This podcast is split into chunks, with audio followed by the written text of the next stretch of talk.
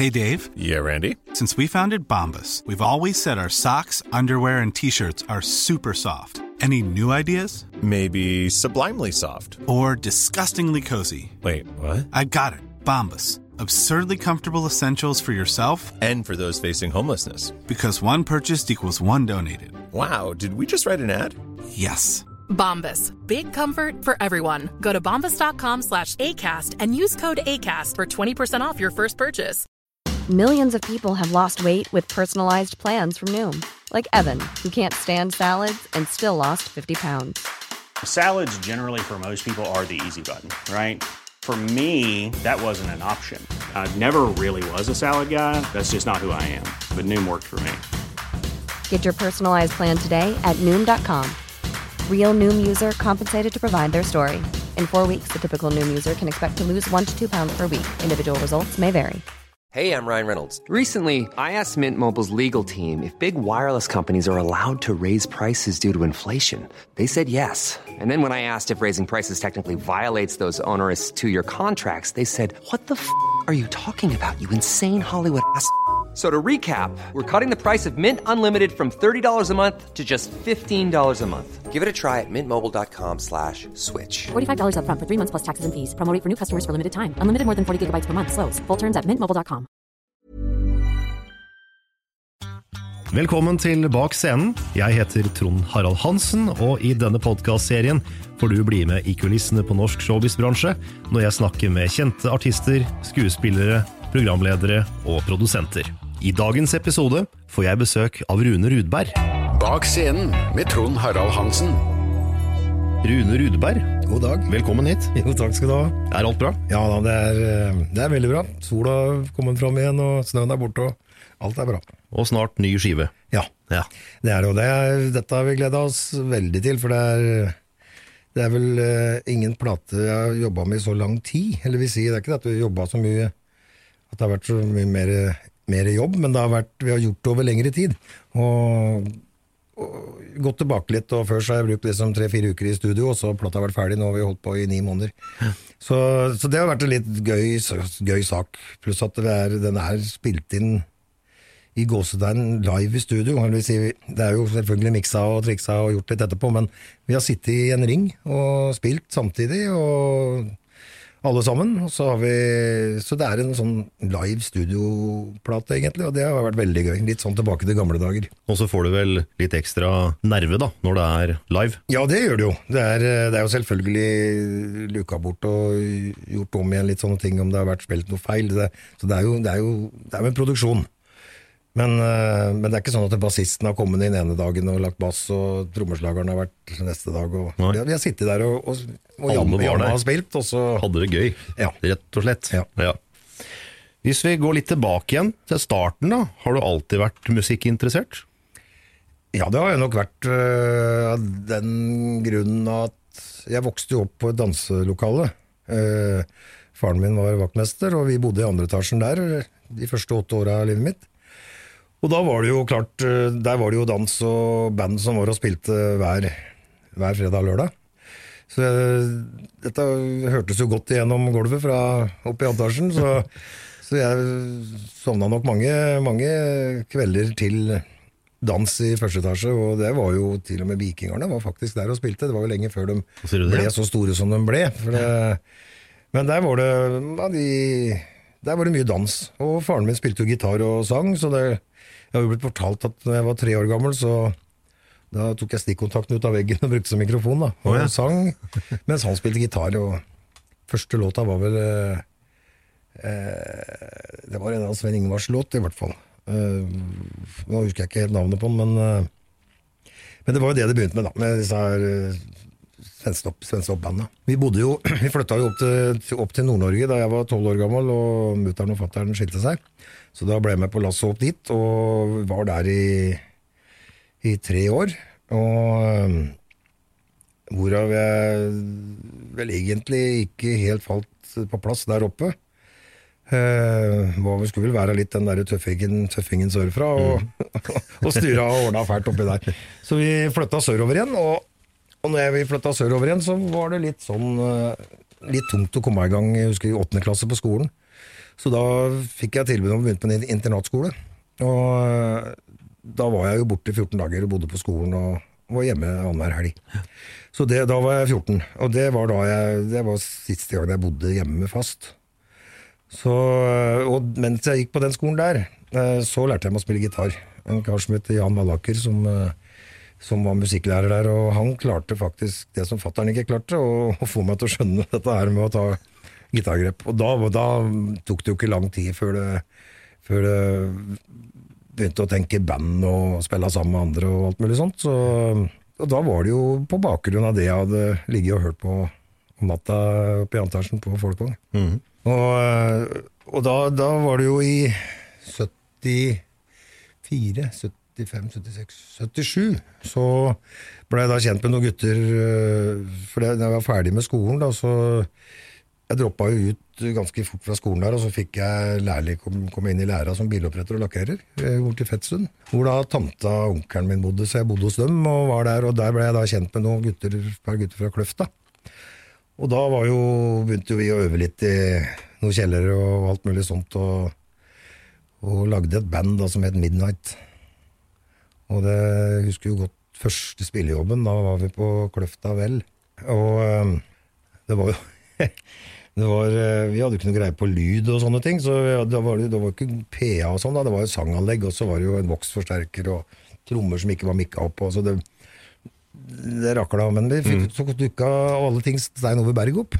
Oh, ja. Og hjalp oss med lyden, og, og fikk dette Så vi fikk spilt til dans den kvelden. da, jeg husker jo Det var, det var liksom platåskotida. Jeg hadde jo 13 cm høye platåsko.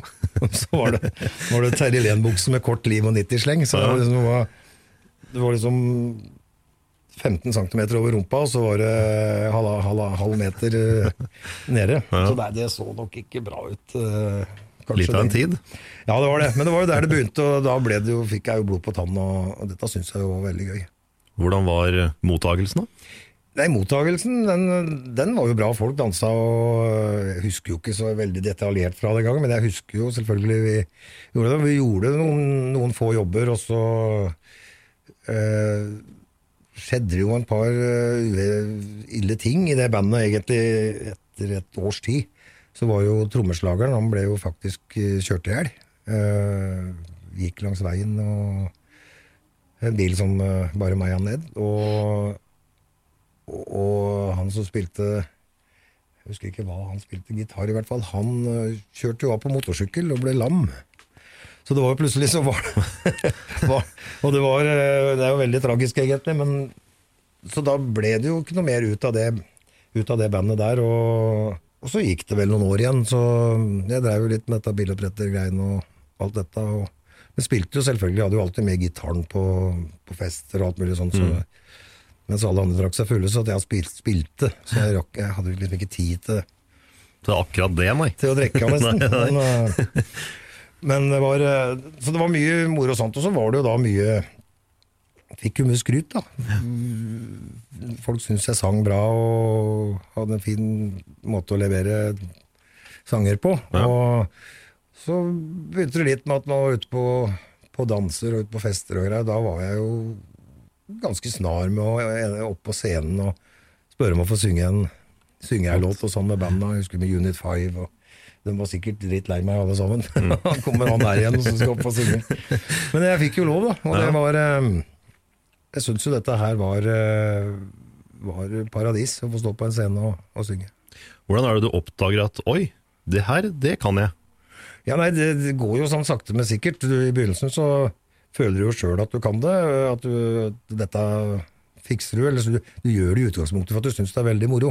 Det er gøy å synge, du, og når du lærer å spille gitar, så, så, så kan du kompe deg sjøl, og plutselig så er du Og så blir det jo bedre og bedre, da. Så lenge mer du trener og Jo. øver. og, og etter hvert så begynner jo folk da å fortelle deg at fy søren, du er, du er bra, du, du burde jo gjøre noe mer ut av dette, og sånn og sånn. Og så begynner du å tro på det til slutt. Og da går jo det litt sånn hånd i hanske framover. Så nå er det jo Det er jo 40 år siden, det første bandet på Kløfta. Så det har jo rent mye vann i bekken siden da, men det har jo gått øh, Karrieren og musikken har jo, uansett om, om uh, ut fra media har sett ut som det har vært en berg-og-dal-bane, så har egentlig den alltid vært uh, stammen og, og, det som har holdt det gående. Jeg har, egentlig, jeg har vel aldri hatt noen pause. Jeg har vært på spillejobb i helgene. Det er ganske imponerende det, altså holde det gående hver Ja. helg i 40 år. Ja, det er eh, Og det å få lov til å fortsette å gjøre det. Og nå kunne reise rundt med ja, kanskje Norges største bandbuss og ti mann på veien og en stor produksjon og, og trekke fulle hus hver eneste helg, det er, eh, det er stas. Det skjønner jeg godt. Og da må jeg ha gjort noe riktig. Ja, definitivt. Du fikk jo gi ut din første singel i 84. Ja, det var jo to pluss to pluss to med låta 'Alle vil vi gratulere' og lurer på om 'Møt meg i Stockholm' var på, som en norsk versjon av 'Meet me i Stockholm'. Eh, det var jo en singel da. Og så kom det jo da en eh, vi, gjorde jo, vi gjorde jo også Doremi, faktisk. Oh, ja. Jeg husker ikke hvilke år Jahn Teigen vant med den, men det var året 81-82, tenker jeg. ja. Det var vel den helt første greia vi gjorde i studio, i Arne Bendiksen studio, men det var første greia med Arve Sigvaldsen. Og og gjorde da en coverversjon av Doremi. og det var jo, jeg husker det var jo trailersjåfører som hadde vært langt nede i Portugal og nedover gjennom og kjørt nedover i Europa, som hadde vært innom bensinstasjoner, og så hadde det stått en kassett da. Eh, Eurovision Song Contest, original artist, sto det. Det var jo jeg som sang. Oh, ja. Så, så det var sikkert like mange, like mange solgte som jeg sang, som, som Jan. Hvem var det du blei oppdaga av da? Var det Arve? Det var, var nok Arve Sigvaldsen, eller han kom vel for å Når han skulle høre oss, så var det jo utgangspunktet så var jo dette et band som jeg traff i 1980. Jeg var på guttetur på, av alle ting, trekkspillfestival i Sverige, Ransäter. Var der borte bare for å være på festival. Og ble da sittende på en gressbakke utafor ei hytte der og høre på et band, norsk band. Det var fire jenter og to gutter, som kalte seg To pluss to pluss to. Og blei sittende der, og endte jo da opp til slutt med et nachspiel. Vi ble sittende inne i ei hytte der, og jeg fikk jo en gitar i hendene og begynte å synge. Og så fortalte hun meg det at en av de jentene skulle slutte. Så jeg lurte på om jeg kunne tenkt meg kanskje å begynne i det bandet, da. Og jøss, ja det vet du hva hadde vært, det hadde jeg jo lyst til. Så da, 14 dager etter at vi kom hjem igjen derfra, så var jeg på første øving med dem, og det var jo da det starta, og da kom jo Tom Sennerud til etter hvert, eh, som eh, nå jobber veldig mye med lyd i TV 2 og sånne ting, med en fantastisk gitarist. Han ble med, og så begynte dette å balle på seg, og, og Arve Stigvaldsen hadde vel hørt om dette bandet da, kom for å høre det, og litt på grunn av at det var tre jenter med, og det var to søskenbarn og to søsken, eller de var søsken, to, to og to av jentene. Og så likte han vel det han hørte jeg gjorde, når han kom der, så da, da begynte jo liksom dette å dabbe litt av med to pluss to pluss to, men han ville da gjerne Vi gjorde jo da en par-tre låter. Vel, par, tre, vi gjorde vant på en sånn en LP også sammen med Country Ikke Country Snakes, men Country Team. Oh, ja. Det var, vi hadde en seks låter hver eller noe sånt. Og så ble vel to pluss to nærma seg vel oppløsning. At det liksom det var folk øh, syntes det var nok og ville ikke mer. Og, men så fikk jo da jeg tilbud, jeg og to av jentene fra 2 pluss 2, Heidi og Laila, tilbud om å gjøre et eller annet hos Arve. Og det var da Run with the Girls. Vi gjorde jo da engelske popgreier i skinn, skinnklær, pastellfarga skinnklær, og gjorde noen musikkvideoer, og det solgte vel litt i, nedover i Europa, men i Norge så slo det jo ikke an i hele tatt. Nei. Så det, det var en kort, uh, kort runde på det greiene der, men det var det Nick Borgen som produserte. Så sånn kom jeg jo inn i kontakt med han også, som da fikk en viktig brikke i greiene etterpå. Når liksom Run with the Girls ikke tok av og blei noe særlig, så ringte jo plutselig Jeg hadde jo mye kontakt med Nick, for han bodde jo i Oslo den perioden, og vi hang veldig mye sammen. Og gjorde en par låter og sånn, og, som, som var på sånne samlekassetter, og Nå-kassetten og sånt. Jeg husker vi gjorde Guardian Angel på norsk. Min reddende engel, jeg og Nick. Vi satt, satt på Scotchman og kosa oss med en utepils og god, fin form. Så ringer Arve og sier du må ha sang på den låta, for det skal i produksjon i morgen. Så vi du, dura opp i Bell Studio og, og la, opp, og la opp og sang og glisa og lo og ut igjen. Og den, den fins på Spotify til og med ennå. Ja. Nei, altså det var, eh, det var jo ikke Det var jo alt, Det var jo ikke så høytidelig alt før. Det var liksom sånn det var eh, Vi bare gjør det, og så gjør, Ja, ja, ja. gjør vi det. Ja. og, og da var det jo Og det neste da, det var jo selvfølgelig at uh, Arve kom til meg med Ut mot havet-låta. Og da ble det jo til at vi dro til Sverige og jobba med Nick. Ja, for det var i 87-88, og så kom, kom ikke ut mot havet 87, og så Jo, kom det- hele plata i 88. Ja, dette var våren eh, 87. Da dro vi til eh, nedover til Göteborg, jeg og Arve, og spilte inn to låter. Var Ut mot havet og så en låt som heter eh, Hopeful Heart, en duett som, vi, som vi trodde skulle bli A-sida på singelen, for den ble veldig bra. Det var, vi var jo nede og kjøpte pizza mens vi jobba i studio. Og da visste Nick om at hun som jobba på pizzeriaen her, hun var veldig flink til å synge. Jeg som Gitte Persson, så han spurte kan ikke du bli med opp og så synge en duett med han. så det, det blei jo, ble jo da en duett har ikke hørt om verken før eller etterpå. Jeg, men, eh, og, og, og da ga vi ut dette på singel, da. Og, men vi måtte jo, det var første coveret, da var det liksom Hopeful Heart, og så var det Tar vi B-sida. Ja.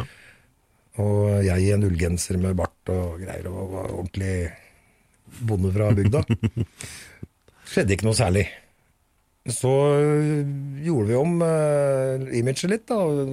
Fikk litt andre klær og litt annet stuk på hele greiene, og så bytta vi på sidene på singelen. singelen. Og så var det ut mot havet og sendte dette da rundt, og da gikk jo den inn på første på, eller den vi sendte den inn til Norsktoppen. Arve sendte den vel inn i tre, fire, fem måneder hver uke. Og den gikk ikke gjennom fagjuryen. Og øh, fagjuryen den gangen var jo Christian Lindemann. Det var én mann. Men til slutt så gikk han jo gjennom, og, og der, øh, da, da hadde jo Return hadde jo ligget på Norsktoppen i 60-70 uker eller noe sånt nå. Og da ble det gjort en ny regel, at du kunne ikke ligge på førsteplass mer enn 16 uker. Men Ut mot havet gikk jo inn der da, på, rett opp på førsteplass, og lå der i 16 uker. Og da lagde, med, i mellomtida der så lagde jo vi resten av plata. og Jeg husker bare på, på radio, radio Ringerike, det var vel der egentlig det tok av først med den låta. Så solgte den jo den gangen den tre, nesten 4000 uh, vinylsingler. Og det var, det var ingen som solgte singler den gangen. Så, så det var eh, Da skjønte vi at det her var det noe. Og eh, så kom jo plata da i, i juni 88. Hvordan er det å være ung spire og komme inn i et studio for aller første gang? da? Jeg vet ikke om jeg husker helt hva jeg tenkte da, men jeg, jeg syns jo det var stas. Jeg syns jo jo det var eh, helt utrolig at liksom eh, jeg skulle stå der og gjøre dette. Jeg synes jo det, For det første, så, første var vel kanskje litt, litt skuffa over at det, det låt så det låt så rart. Du står der og synger med høreklokker for første gang, og, og det du sang på, det var liksom ikke noe sånn kjempebra komp. Det var noe demo eller litt sånn halv... Haltende greier som skulle bli Som skulle bli bra etter hvert. Og, men å, å få høre en ferdig miks av seg sjøl og ferdig produksjon, det, det husker jeg, det syns jeg var stort. Da, så det vil jeg jo gjøre mer, det òg. men, men stort sett så har jo alltid greia mi vært live- live-greia. det å være i studio og spille inn musikken og, og lage musikken, det er egentlig bare en sånn noe du må gjøre. Som ikke er så moro som det er å stå på scenen. Stå ute. Eh, Ut mot havet er jo en veldig programmert plate. Ja. Veldig mye synt. Ja, ja. Hvordan var det å forholde seg til? Det er jo langt unna jo- det som er live. Jeg var jo ganske ny i gamet og sånn, og på den tida så var det jo uh, Originalen til Ut mot havet er jo You Want Love med Mixed Emotion, og, så det var jo naturlig at det blei tatt utgangspunkt i sånn som den var, og den tyske og kanskje det var ikke bare tyske, det var jo, det var jo, da var jo Pet Shop Boys og alt dette her. Det låt jo, det var jo den Orchestra Strings og, og alt sånt, og dette var, var jo Nick flink til. Han eh, programmerte og han øsa jo på, så det var jo ikke Det fantes jo ikke noe luft Nei. i de arrangementene og dette han gjorde. Men så kom jo låta ut, og den hadde jo vært ute på med fire-fem svenske danseband. Vikingerne, nei ikke Vikingarna, men Torleifs og Flamingo og Paul Salin fra CBs, eller Paul Paljett som han en gang kalte seg. Og Striplers. Alle dem hadde jo gjort Ut mot havet, og kalt oh, ja, Ned mot havet først. Ja. I litt sånn blasse, litt svenskeopp-pakke. Og så gjorde jeg da den norske versjonen der borte hos Nick. Og, og når den slo gjennom så ille som han gjorde her, så, så var vel det, det var vel sikkert litt rett artist, rett stemme, rett låt, rett lyd. Alt uh, klaffa på en gang. Og, og da var det jo Momarkedet, da. I august. Plata kom ut i juni, og i august var det Momarkedet, og der fikk jeg jo sølv- og gullplate for over 50 000 solgte plater på en, en og en halv måned. Det er helt utrolig, altså. Så, og 14 dager etter det så fikk jeg diamant og platina for 100 000. Og totalt så solgte den vel oppunder 200? Ja, så solgte jeg, jeg gjorde det. Solgte 190 000, det er det som er registrert da. Men eh, med alt den har solgt, i- det var jo fysiske LP-er, CD-er og kassetter. Men alt den har solgt i ettertid, det er jo over to millioner streams på Spotify ganger to, for det er jo to versjoner av den. Det er jo den Plumbo-versjonen som jeg gjorde sammen med Plumbo ja, i 2007. Den har jo passert to millioner, og originalversjonen har passert to millioner. Så, så det, er, det er jo Og den er jo vært på utallige samleplater og, og kassetter og CD-er opp igjennom, så det, den har nok solgt mye, mye mer. Eh, men det var eh, Da var det liksom Momarkedet, og jeg husker jo da, da på kvelden, eller etter showet, så ble jo da plassert eh, på et bord som var ti meter breit, med mikrofoner og 40-50 journalister, kameraer. Første intervjuet. Dagen etterpå så var jeg på førstesida da i samtlige aviser og blader. Og, det, var, det var jo sikkert et sjokk på mange måter. At, eh, men et, et godt, godt sjokk. Det var jo det man hadde drømt om å bli, var jo å bli popstjerne. og og, og synge sine egne låter, og ikke bare stå og synge coverlåter, som jeg stort sett hadde gjort fram til da. Men eh, og, Så da var det jo liksom Da ble det jo bare helt virvar i huet, og det var det jo i to-tre år. Det tok jo tre år før jeg skjønte hvordan en kjendis skal oppføre seg, og da hadde jeg jo vært i tre år alt. så Men det, det kommer nok veldig overraskende på mange, det der. der. Ja da. Men jeg, jeg var, jo, var jo, er jo fortsatt, og har vel alltid hatt den filosofien at uh, vær mot alle som du vil de skal være mot deg, og du, alle du møter på vei opp, vær hyggelig med dem, for at du skal ned en gang igjen. Så du vil møte dem igjen, og da kan det være kjekt å ha dem der. Og så, jeg har jo alt, og så har jeg alltid vært opptatt av å være jordnær, være meg sjøl, ikke forandre på noen ting. Det er klart at når du blir så kjent som det jeg blei, så er det mye du ikke kan si, det er mye du ikke kan gjøre, det er steder du helst ikke skal være på, og sånn og sånn. Men det skjønte jo ikke jeg da. Da var jeg mest opptatt av å være beina på bakken og alt mulig sånt, men det blei kanskje litt, litt mye beina på bakken. Det blei så mye beina på bakken at det egentlig ikke var nøyalt. Mottakelsen da, den var jo både positiv og negativ. Ja da, jeg ble jo musikkens svar på Se og Hør. Eh, alle hata det, og ingen hørte på det, eller leste det, men alle visste hva som sto i Se og Hør, alle kunne ut mot havet. Og salgstallene taler jo for seg, da. Ja da, det gjør jo det. Og, og det var jo Det jo Sånn har det jo vært nå, er det tredje-fjerde generasjon som, eh, som kommer og Når folk møter meg, så, så synger de med strofa ut mot havet. Ja, ikke sant? Det var jo noen år i begynnelsen som det var i litt negativ forstand. Ut mot havet, og litt sånn negativt tona. Og mobbete av en eller annen grunn, jeg veit ikke, men, eh, men det, er jo, det er jo, ble det jo helt slutt på. For det, det er jo liksom Den låta er jo blitt en allemannseie. Det er jo liksom Uansett om du Alle har jo vokst opp med den. Ikke alle, men Man har jo det. Så, de fleste har liksom hatt noen foreldre, som, eller besteforeldre, som har spilt den, eh, den, den låta mye. Og så, så, og så og, Ja, så det er klart at den låta der er jo Man får aldri fulgt opp en sånn hit. Det er eh, Jeg har prøvd mange ganger og klart eh, nesten å Men jeg, det er ikke målet heller, egentlig, å få sånne store hiter lenger. Det er, men om, om jeg hadde fått det i dag, så hadde jeg jo selvfølgelig visst mye mer hvordan jeg skulle takle mye av tinga. ikke sant?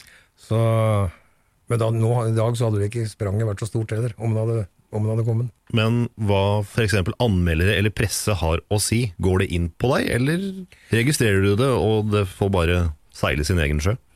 Det, det har aldri gått så inn på meg personlig, for at jeg har egentlig aldri tatt det personlig. Det er, eh, jeg skjønte jo etter hvert at jeg hadde gitt litt for mye av meg sjøl. Jeg hadde vært litt for åpen. Og i intervjuer, så når jeg trodde intervjuet var ferdig, så kulepennen var lagt ned, så fortsatte jeg å skravle og prate og, og sånn og sånn. Og plutselig så var det jo det som vi prata om etter intervjuet, det var jo det som ble overskrifter.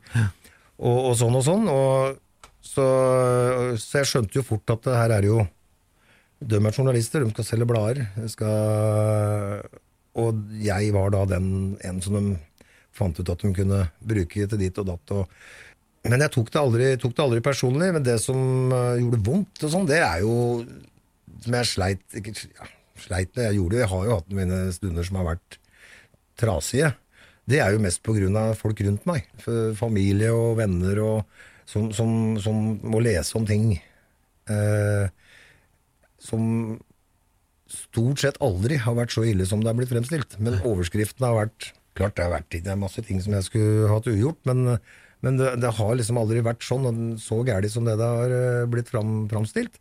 Og da har jeg Da har jo ikke jeg kunnet eh, Hadde jeg gjort det, hadde jeg vært så gæren, så hadde jeg jo sikkert blitt, blitt forbanna for at hun skrev om det, men mm -hmm. liksom, det kommer sånn, så blir det og så er det ikke noe for gjort. Jeg kunne sikkert ha fått dem til å dementert og gjort masse sånt, men, men skaden er, er, skjedd når det ja, står på trykk. Ikke sant, Skaden er på en måte ja. allerede skjedd når det, når det står ute. Ja, mm. Pluss at jeg har hatt en helt fantastisk familie og venner og tilhengerskare som har backa meg og fulgt meg hele veien, som har vært mye viktigere. Og, og det er klart, når jeg veit at uh, alle som kjenner meg og møtt meg, tar ting med en klype salt, da kan ikke jeg gå rundt og bry meg om dem som sluker alt som står skrevet. For det, det får ikke jeg gjort noe med allikevel. Jeg har tidligere prata med Arve Sigvaldsen. Mm. Han fortalte at, eh, at, han og du var ute på lanseringsturné i et lite fly.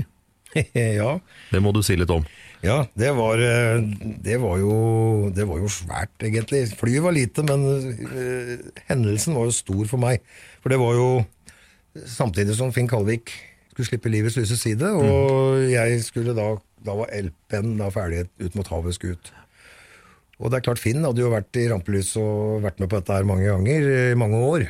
Og, og syntes vel at uh, ting var litt kjedelig, og det gikk litt treigt, og det var, var, vel kanskje ikke så godt humør som man burde ha vært. Uh, men jeg var jo som en propell, ikke sant. Jeg, dette var jo så stas. Kom i, kom i privatfly, og det møtte jo opp journalister og folk, og det var intervjuer, og jeg fikk jo lov til å sitte og være meg. Så jeg syns jo det var kjempestas. Så vi, vi hadde det, det, var jo Det var veldig bra. Det var eh, Men det, det, ble med den ene gangen der, da, med privatfly på sånn turné. Helt til Skandinavia til jeg kom. Der hadde vi også eget fly. Men ja, ja. det kommer vel kanskje til. Det kommer vi til etter hvert. Det blei Grand Prix året etter. Vinger over Europa. Ja. Det er, jo, det er jo sånn det er faktisk en dag i dag så er det jo veldig mange mennesker som tror at ut mot havet er en låt jeg hadde i Grand Prix. Oh ja, ser du det? Eh, men det er det jo ikke. Den, eh, den er jo, det er jo en coverlåt. Men så fant vi ut at vi skulle prøve Grand Prix da, året etterpå. Nick jeg husker jeg ikke hvem han skrev den sammen med, men det var ei eh, om hun er engelsk eller tysk, eller hva hun er, men i hvert fall så skulle vi lage en, en oppfører som var så lik Ut mot havet som mulig. Som vi da skulle sende inn til Grand Prix. For da, da, det er klart, da var jeg jo såpass oppe i vinden at da var det jo det kan vel nesten hende jeg hadde fått vært med uansett hvilken låt jeg hadde kommet med. Men i hvert fall så ble jo da Vinger, over Europa lagd. Eh, mye av samme elementer i arrangement og, og sånne ting. Eh, Hey, it's Paige DeSorbo from Giggly Squad. High quality fashion without the price tag. Say hello to Quince. I'm snagging high-end essentials like cozy cashmere sweaters, sleek leather jackets, fine jewelry, and so much more. With Quince being 50 to 80% less than similar brands. And they partner with factories that prioritize safe, ethical, and responsible manufacturing. I love that. Luxury quality within reach. Go to quince.com slash style to get free shipping and 365-day returns on your next order. quince.com slash style. Millions of people have lost weight with personalized plans from Noom, like Evan, who can't stand salads and still lost 50 pounds. Salads, generally, for most people, are the easy button, right? For me, that wasn't an option. I never really was a salad guy. That's just not who I am. But Noom worked for me. Get your personalized plan today at Noom.com. Real Noom user compensated to provide their story. In four weeks, the typical Noom user can expect to lose one to two pounds per week. Individual results may vary. Men litt annerledes. Og, men hvis du liksom bare tar en kassegitar og spiller begge låtene, så finner du mange elementer som det kunne vært samme låta. Mm. At det kunne faktisk ha vært samme låta. Så det var, det var jo en genistrek å lage. Og da var det jo Grand Prix i, i, i Solahallen i Stavanger. Og Det var jo samme året som Teigen hadde Optimist. Og ingen av oss gikk jo til, videre til superfinalen. Nei. Så Men både jeg og Jan ble vel egentlig litt sånn eh, Hva heter det for noe? Moralske vinnere. Jeg det var jo vi som solgte plater etterpå. Ja. Og det er jo ofte sånn. Jeg, det er jo sånn uh, hele karrieren min har vært. Det har vært terningkast én på ene sida, og så har det vært toppen av VG-lista og Dagbladet-lista på andre sida. Og heller det enn terningkast seks, og ikke være på den lista. Det må jo være en utrolig god følelse, da. Ja da. Å vite det at anmeldere tar faktisk feil. Ja, ja. Jo da, det er klart det. Det er så- Men jeg har egentlig aldri brydd meg om det. Men det gikk, gikk noen år eh, gikk, gikk noen år som jeg hadde, hadde veldig lyst til å Til å liksom please musikkanmeldere. Jeg hadde lyst til å gjøre det. Eh, og det betydde en del og sånn, men det var liksom Det hjalp liksom egentlig ikke hva jeg gjorde, så var ikke det bra. Helt eh, Helt til liksom midten på 2000-tallet, da jeg begynte med gjorde den første engelskspråklige countryplata. Da var det liksom terningkast femmere og, og, og sånn. Eh, veldig stas. Veldig stas, syns jeg det var sånn personlig. Å få litt anerkjennelse Og få litt anerkjennelse og sånn og sånn, men, eh, men sånn for publikummet mitt og, og, og det jeg holder på med daglig, hverdagen min, så oppdaga jeg det. Det spilte jo ingen rolle. Nei. Hadde jo ingenting å si. Det er, eh, det er ikke dem jeg lager musikk for. Jeg lager musikk for de folka som, som reiser milevis for å høre på oss, og som kjøper platene og, og, og streamer, og som Ja, de som eh, Det er jo dem jeg lager musikk, vi lager musikk for. Og jeg er så heldig at jeg kan lage musikk for meg sjøl til dem, for at jeg, jeg liker akkurat samme musikken som dem. Ikke sant? det blei jo fire deltakelser i Grand Prix aleine, og så blei det vel to med Skandinavia. Nå må jeg tenke. Eh, ja, det er helt riktig. Jeg husker jeg hadde planer en gang om at jeg skulle ta igjen Jahn Teigen og Tore Endresen, men det, det måtte jeg bare gi opp. For Ja. dem, Det var helt ekstreme. Ja. Eh, nå er jeg nok ferdig med å være med i Grand Prix. Jeg syns det var veldig stas å, være med igjen eh, en gang nå.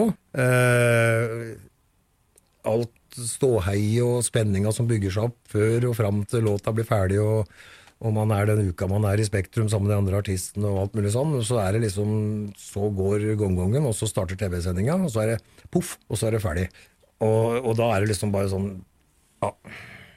Men det var gøy å være med. Så, så det Men det er klart øh, Nei, det har seks, seks runder i, vært med da i Norges største musikkonkurranse på TV i den beste sendetid, så det er vel greit. Det er jo ålreit markedsføring, det.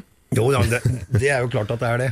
Det er øh, Det blir jo mye, mye ståhei. Du får mye media, mye presse, mye dekning og, og sånn, men det er ganske, ganske litt rart, er at den Run Runaway-låta, den var veldig haussa opp uh, før og under Grand Prix, men det har liksom ikke vært noe uh, Jeg tror det har litt å si hvilke plasseringer du får. og den har liksom ikke vært noe sånn veldig etterspurt i ettertid, Ettertid. men uh, det er klart det er jo noen som spør om den og sånne ting.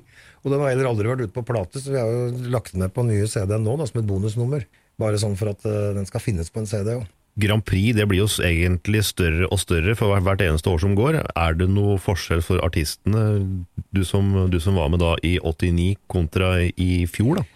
Ja, det er jo klart, når du, når du ser på all den energien eh, som, som produksjonen Eller som de legger ned for kun din låt i det Du måtte jo, du måtte jo sveisa og gjort i stand noen scener, og doblene var så tunge så de gikk på hjul. da. Så du dro inn og gjorde jo om hele scenen. Eh, Jeg er sikker på at det er bare det sceneoppsettet vårt aleine hadde sikkert kosta 100 000 kroner for det, de tre minuttene. Ja.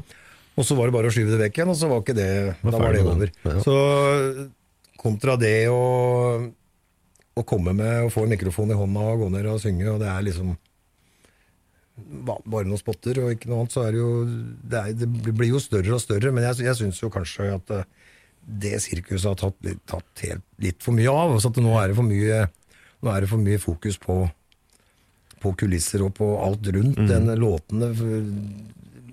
Ja, Mer show enn en, en, en, det det en egentlig er der for. Ja, ja, det er jo egentlig en showkonkurranse. Det er jo den som eh, gjør mest ut av seg, har ikke nødvendigvis den beste låta. Nei. Så Fyrverkeri og flammer og Ja pyro, det, det som er. Hvor lenge hadde du et samarbeid med, med han Arve, da? Hvor lenge vi varte det? hadde uh, samarbeid da fra Ja, det må jo ha vært fra 81 til 82 eller noe sånt. Og frem til siste uh, Vi ga jo da ut uh, Ut mot havet, selvfølgelig. Eller det var jo de to pluss to-greiene og Run with the Girls. Og så kom vi ut mot havet, og så var det Vinger Europa, Lysene fra land. Og, og da i 1990, var det vel. Da brøt jeg med Arve Sigvaldsen, og jeg la opp som soloartist, og fikk da jobben som vokalist i Skandinavia. Mhm. og, og var med der i tre år, uh, som gjorde at uh, det, gikk jo, det gikk jo veldig bra. Skandinavia var jo da Kjempestore. kanskje det største dansebandet i Norge. og hvor vi ga jo ut tre plater og, og alt sånt. Også, men så er det jo, kan det ofte bli sånn eh, at, eh, at når man er mange i et band, og så hvis det er to som f.eks. tar litt stor plass, Mm. begge to, så kan det Det er litt synd, for at det var jo Det var vel kanskje litt sånn at Steinar og jeg, vi lagde jo låtene sammen, og vi lagde jo veldig mye bra låter sammen. Det fungerte veldig bra. Så det, det var synd at, det, at vi liksom ikke fikk til å jobbe, de, jobbe sånn lenger. Og, og da ga jeg meg og tenkte Skandinavia gjør, har det bedre med en ny vokalist. Og, og jeg kunne heller bare finne på noe så jeg kunne styre sjøl igjen. Og da var det tilbake til Arve igjen, og så ga vi ut plata Tidevannsbølger. Og det gikk jo sånn skapelig. Da hadde jo Det var jo første gangen jeg eller det, det var Da ble det jo et nytt band som het Rudberg, da, og kjempebra band. Og holdt det gående i en par-tre år. Så skulle Skandinavia ha ny vokalist. eh, eller da hadde Skandinavia De hadde bytta vokalist og fått en ny en, men så Dette var vel i da i 97. Så da skulle jeg vikarere for Skandinavia for, som vokalist i Skandinavia. Og da ble det jo ei ny plate igjen. eh, Skandinavia sammen igjen. Og på nytt så gikk det jo For å si det sånn, det gikk, det gikk jo bedre både for meg og Skandinavia når jeg var der, enn når jeg ikke var der. Og når jeg kom tilbake, så gikk det bra igjen for oss begge. Og så det er klart det var, det var en bra kombinasjon, det der. der sånn, så musikalsk så var det helt, helt uh, supert. Og var med et år, og så funka det ikke allikevel. Da var det liksom tilbake til Tilbake Solo. til syndene igjen, og ikke bli enige om ting. Og, og så slutta jeg igjen, da, og da var det Da husker jeg ikke helt hva jeg Jeg begynte vel, reiste vel rundt og spilte i noen år igjen. Par år igjen, og så var det Jeg husker ikke årstall, da. Jeg, jeg var jo med en gang til i Skandinavia som, eh, som eh, vikar. Og da gikk det bra, så da begynte jeg vel egentlig fast. Og så skjedde det jo en, en ting på en, eh, nede i Skien, som er vel den, den største tingen, som, den som jeg er minst det, jeg skulle, det som jeg skulle vært mest foruten av alle omtaler som har vært, det er den hendelsen som var i Skien en gang. Og det, da ble det jo det var jo også en, Men det var jo også en sånn sak som ble fremstilt på en mye, mye verre måte enn det det egentlig var. Det det egentlig, var, ja. Og øh, det var jo liksom fulle førstesider på Dagsrevyen og ditt og datt, og jeg hadde gjort det og gjort det. Og, men jeg, jeg var vel på feil plass til feil tid. Og det blei jo et oppvaskmøte i Skandinavia, og de mente jo at jeg hadde De hadde mista jobber for et par millioner kroner av dette. Det er jo ikke helt riktig, for Nei. øh, det var én arrangør som hadde trukket seg, og det var noe idrettslag og noe greier med noen unger som var dugnad og sånn. Så jeg skjønner jo det, og det var stoff inne i bildet. Men uh, Men summen de- var ikke, var de ikke så stor. De, de jobbene for uh, to millioner som ble sagt at de hadde mista, de mista dem etter at de uh, gikk ut offentlig og sa at de hadde fått sparken. Ja. Så, så sånn sett, Men det, det var bare synd og trist og tragisk, og noe man ønsker å legge, legge bak seg, og noe jeg har lagt bak meg òg. Mm. Det er klart, når vi sitter og prater sånn, så går an- må man jo må man nevne det, for det er jo en del av, av greia. Men, øh, men det var øh, Så da var det tilbake igjen og, og spille, spille aleine igjen. Og jeg holdt jo på i mange år og reiste rundt aleine, eller med, hadde med meg en mann. Og, men jeg spilte jo. Det var fulle hus og alt sånt. Så, og da var det fram til jeg da fikk komme i kontakt Ja, det var vel omtrent Da hadde jeg jo gitt ut den første countryplata mi Når jeg begynte i Skandinavia andre gangen. Nei, tredje gangen. Så den fikk jo gode kritikker, og alt sånt, så da visste jeg at jeg kunne fortsette med det. Og det ble to countryplater til eh, før i 2011, var det vel. Fant ut at jeg hadde lyst til å lage et coverband istedenfor å spille aleine med iPad og minidisk og sånn. Så, så da var det jo i gang med Jeg glemte forresten ei plate og et band midt inni her, sånn, det var i 2001. Det var jo med Casanova. Ja, stemmer. Vi ga ut plata Stemmer. på Nye Eventyr. Den, øh, den også var ble jo slakta da, av pressen, eller av musikkjournalister. Av, møtte jo da Jeg husker jo Anders Grønneberg skrev jo at det var rein søppel. Rein søppelcountry eller noe sånt. nå, Og, så, og da ble, ble vi invitert i tabloid med Pål T. Jørgensen på TV 2. Oh, ja. Og satt da ansikt til ansikt og skulle prate om den, den plata. Og jeg syns jo det var litt drøyt kanskje å si at han skulle si at, eh, at det var rein søppel. Ja. Det jeg hadde skrevet, og eller det vi hadde lagd. Og, og fikk vel egentlig veldig mye igjen for den, eh, den slakten han ga meg. For at det, det, har jeg, det er jo noe med at folk Sympati også kan eh, være godt å ha noen ganger, og det, det får du jo av Det, det får du jo absolutt av det, da. Ja. Du må jo ha fans som er ekstremt dedikerte. Ja, det, det er jo ikke noe tvil om. De, det er jo fans som har vært der hele veien. Fortsatt ute på spillejobber, og som er nå i disse sosiale medier-tider, som det er blitt også, så er det jo får, jo- får jeg jo stadig vekk en melding eller en likes fra noen som jeg husker for 30 år siden, og, og så er det kommet til nye. Og, og masse ungdom også. Det er uh, Ungdommen nå liker både den, de gamle låtene og det nye. Og så har du jo da dem som liker country. Så jeg har jo liksom, selv om jeg har holdt meg innen en, en viss nisje musikalsk, så har jeg jo det er, det er jo mye å hente innen danseband, country, pop, Absolutt. eh, popmusikk. Så, så Og der eh, Det er jo det jeg er. Jeg er en litt sånn alt altetende sak. Både, selvfølgelig med da bakgrunn i både poptida med Ut mot havet og danseband med Skandinavia og, og country. Så da, må man det har folk som liker alle tre sjangere, og da spiller jeg alle tre. Og blander, blander det litt i hop. Litt tilbake igjen til tida i Skandinavia. Dere solgte jo ekstremt mye mellom 90 og 93. Ja. Det var jo en tid hvor dere var veldig populære. Hvordan var den Ja, det, var, tida der, da? det var veldig gøy, for da gikk jeg jo fra å være det er klart, Jeg var jo vant til å være sjefen. Ikke at jeg var sjefete, men jeg var jo, det var Rune Rudberg-band først. Og da var det jo, selv om jeg så på det som en enhet og et band, så var det jo liksom meg og bandet. Men så når jeg begynte i Skandinavia, så var vi jo liksom det, Da brukte jo ikke navnet mitt eller noen ting. Så da da var jeg liksom en, en enda mer en del av et band. Og jeg, synes, jeg stortrivdes jo med det. Jeg syntes jo det var helt topp. Og, og det var jo også Alle de gutta i Skandinavia var jo gutter som jeg hadde sett opp, opp til lenge før jeg ble kjent, kjent og, og, og artist sjøl. Fra tida jeg jobba på begynnelsen av 80-tallet på Ridderhallen som dørvakt. Og da var jeg også da stadig vekk nede og ikke sant, opp og sang ei låt med bandene som spilte på kvelden. Og sånn, og da var jo blant annet de gutta der, der og da var jo det Cato. Det var jo samme bandet. Ja. Det var bare det at det var eh, ikke Tore Halvorsen på sang, men han sang jo i Cato. Så det var, jo, det var jo liksom litt sånn idoler for meg. Så når jeg fikk tilbudet om jobben der, så, så var det stort. Og, og det var en fin måte det, å, å få gjemt seg bort litt og roa litt, for det er klart det, det blåste godt rundt øra på meg. Ikke så det var, begynte jo da å ulme litt sånn negativitet, øh, eller pressen begynte å ta tak i de tinga som egentlig ikke skulle vært tatt tak i.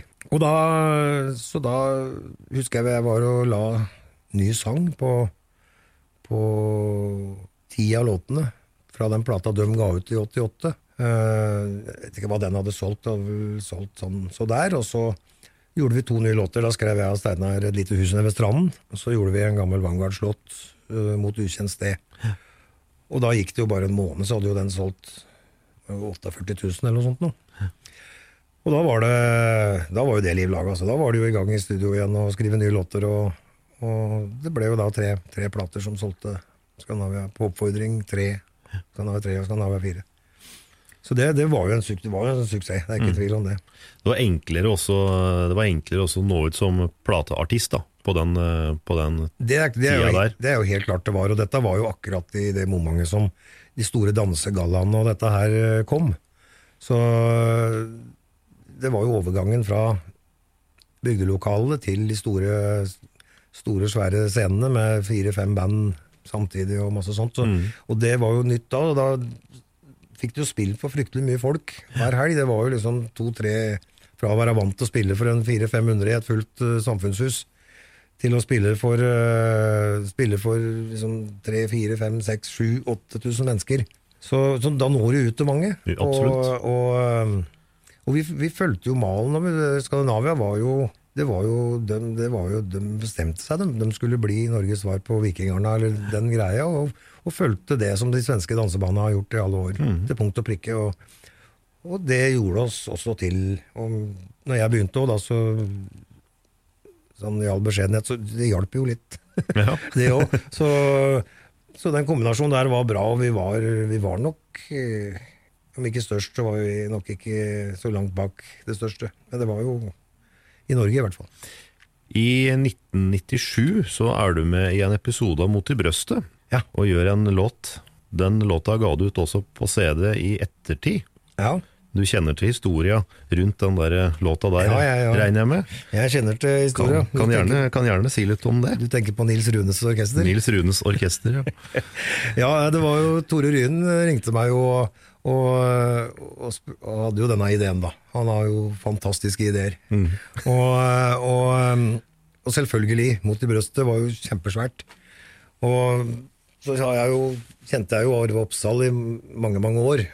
Lenge før, før dette, og vi har liksom møttes på forskjellige steder. og var litt kamerater. Han hadde jo blant annet gjort parodi på meg på Chat Noir. Og, oh ja, sier du det? Sånn. Ja, ja, det var Rulle Ølberg og inn med magen. Det var ikke Rune Rudberg og ut mot havet.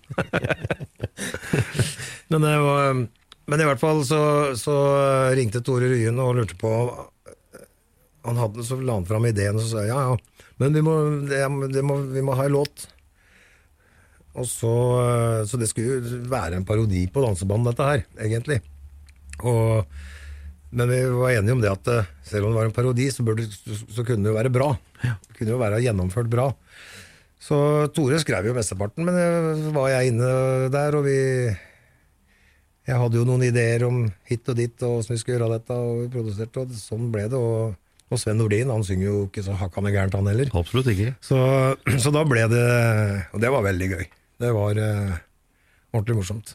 Så jeg var jo med en gang til noen år seinere, på tusenårsfesten. Ja, stemmer det. Stemmer det. Da var det alle, alle, alle folk tror at jeg var nede på Gran Canaria da. Men den der eh, baren til Elna og Henry, den var, den var i Nydalen. Ja, det er akkurat det. Så da sto jeg, da bodde, den tida bodde jeg i Sverige, faktisk. Og da, av alle ting så hadde jeg på meg gule bukser og, og ei blå skjorte, og så hadde jeg blå gitar. Ja. Så jeg så ut som svenskekongen. Jeg sto i baren der og sang eh, Ut mot havet. Ja, og så var det ikke Maria Maria, det var Elna Ja. Elna. Så det, Arve Oppsal skriker, og herregud, hva er det folk ikke gjør for å få seg en gratis ferie? ja. Helt riktig, det. Du kom jo også med en hyllest til Hotell Cæsar. Ja, to faktisk. Det er eh, Jo da, det er eh, Det var jo eh, Det var jo på den nye eventyrplata. Da, da hadde jeg det litt gøy med å skrive litt tekster som kanskje hadde litt glimt i øyet. Ikke bare hjerte og smerte og kjærlighet og forhold som går i dass.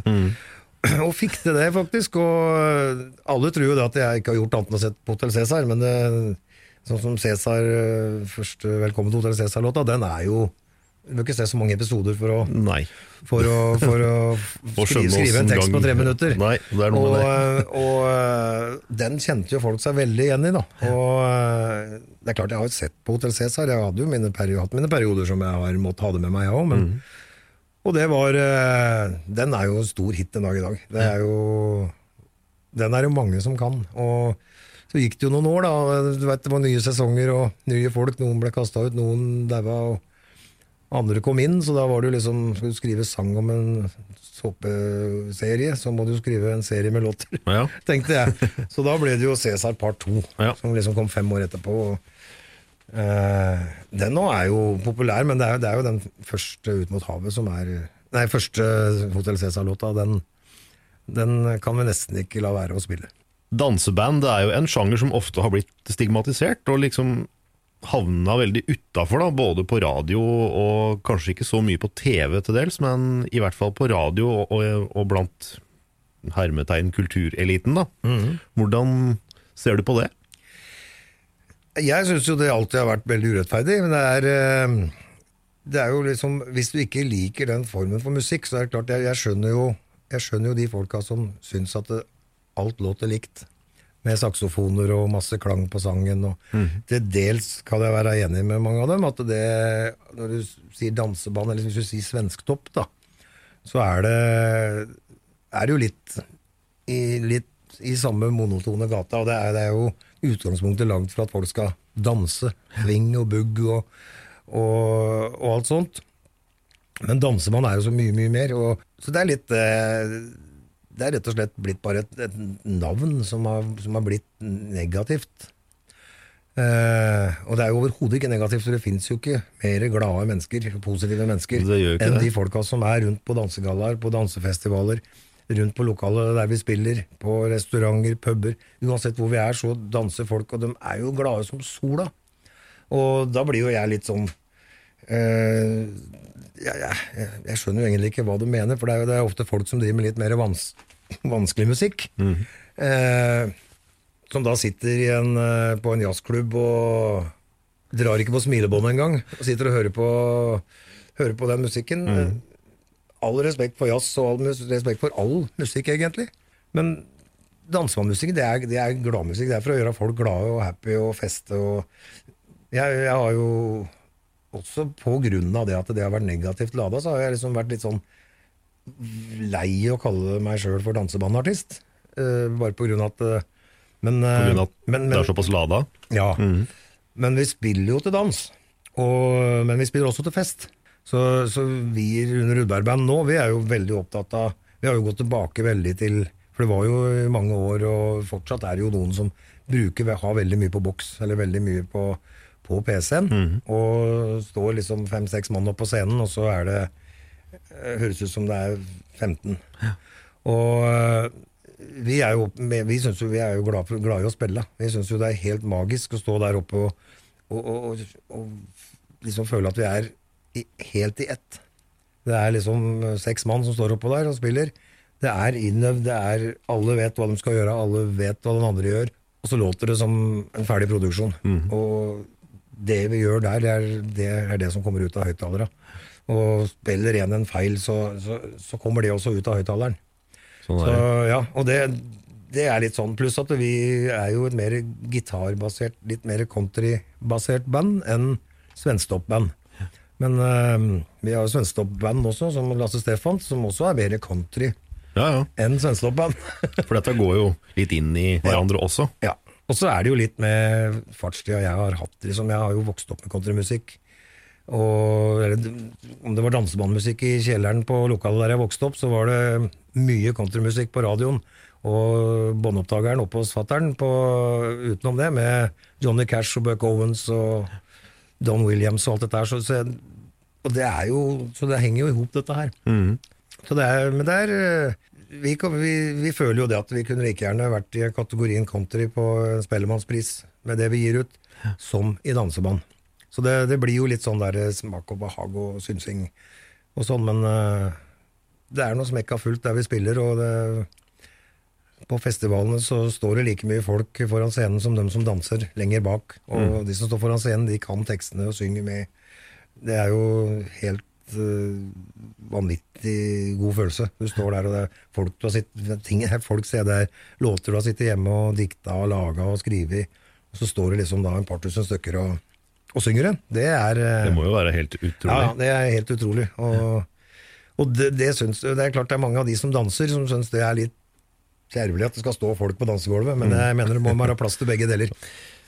Vi lever jo i en litt annen tid enn en, enn- enn i 1988, når du solgte omtrent 200 000 album. I dag så foregår jo veldig mye av, av alt sånt på Spotify.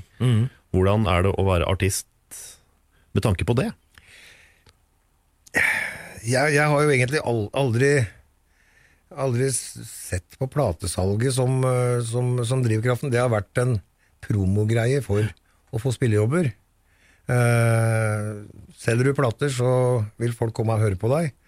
Eh, de vil gjerne komme og se, og høre, se det de må høre på på platespilleren hjemme. Og, så det har alltid vært uh, hovedgreia mi. Det har vært å komme, meg, komme ut og spille for folk. se dem inn i øya, se hvor glad de blir, se hvor fornøyd de er. Ha det magisk på scenen. Det har vært drivkraften hele tiden. Så, så stor forskjell på, på det at det Jeg har jo gått ifra kassettida til kassett og LP til CD.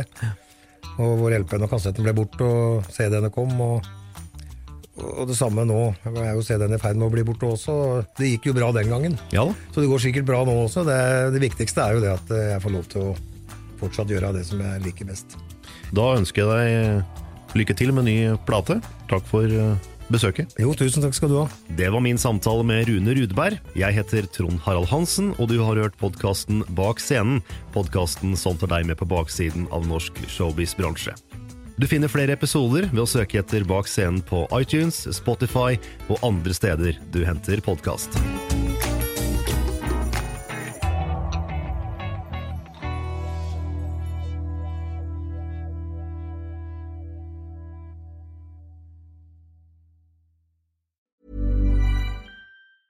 Mom deserves the best, and there's no better place to shop for Mother's Day than Whole Foods Market. They're your destination for unbeatable savings, from premium gifts to show-stopping flowers and irresistible desserts. Start by saving 33% with Prime on all body care and candles. Then get a 15-stem bunch of tulips for just $9.99 each with Prime. Round out Mom's menu with festive rosé, irresistible berry chantilly cake, and more special treats. Come celebrate Mother's Day at Whole Foods Market. Hey, it's Danny Pellegrino from Everything Iconic.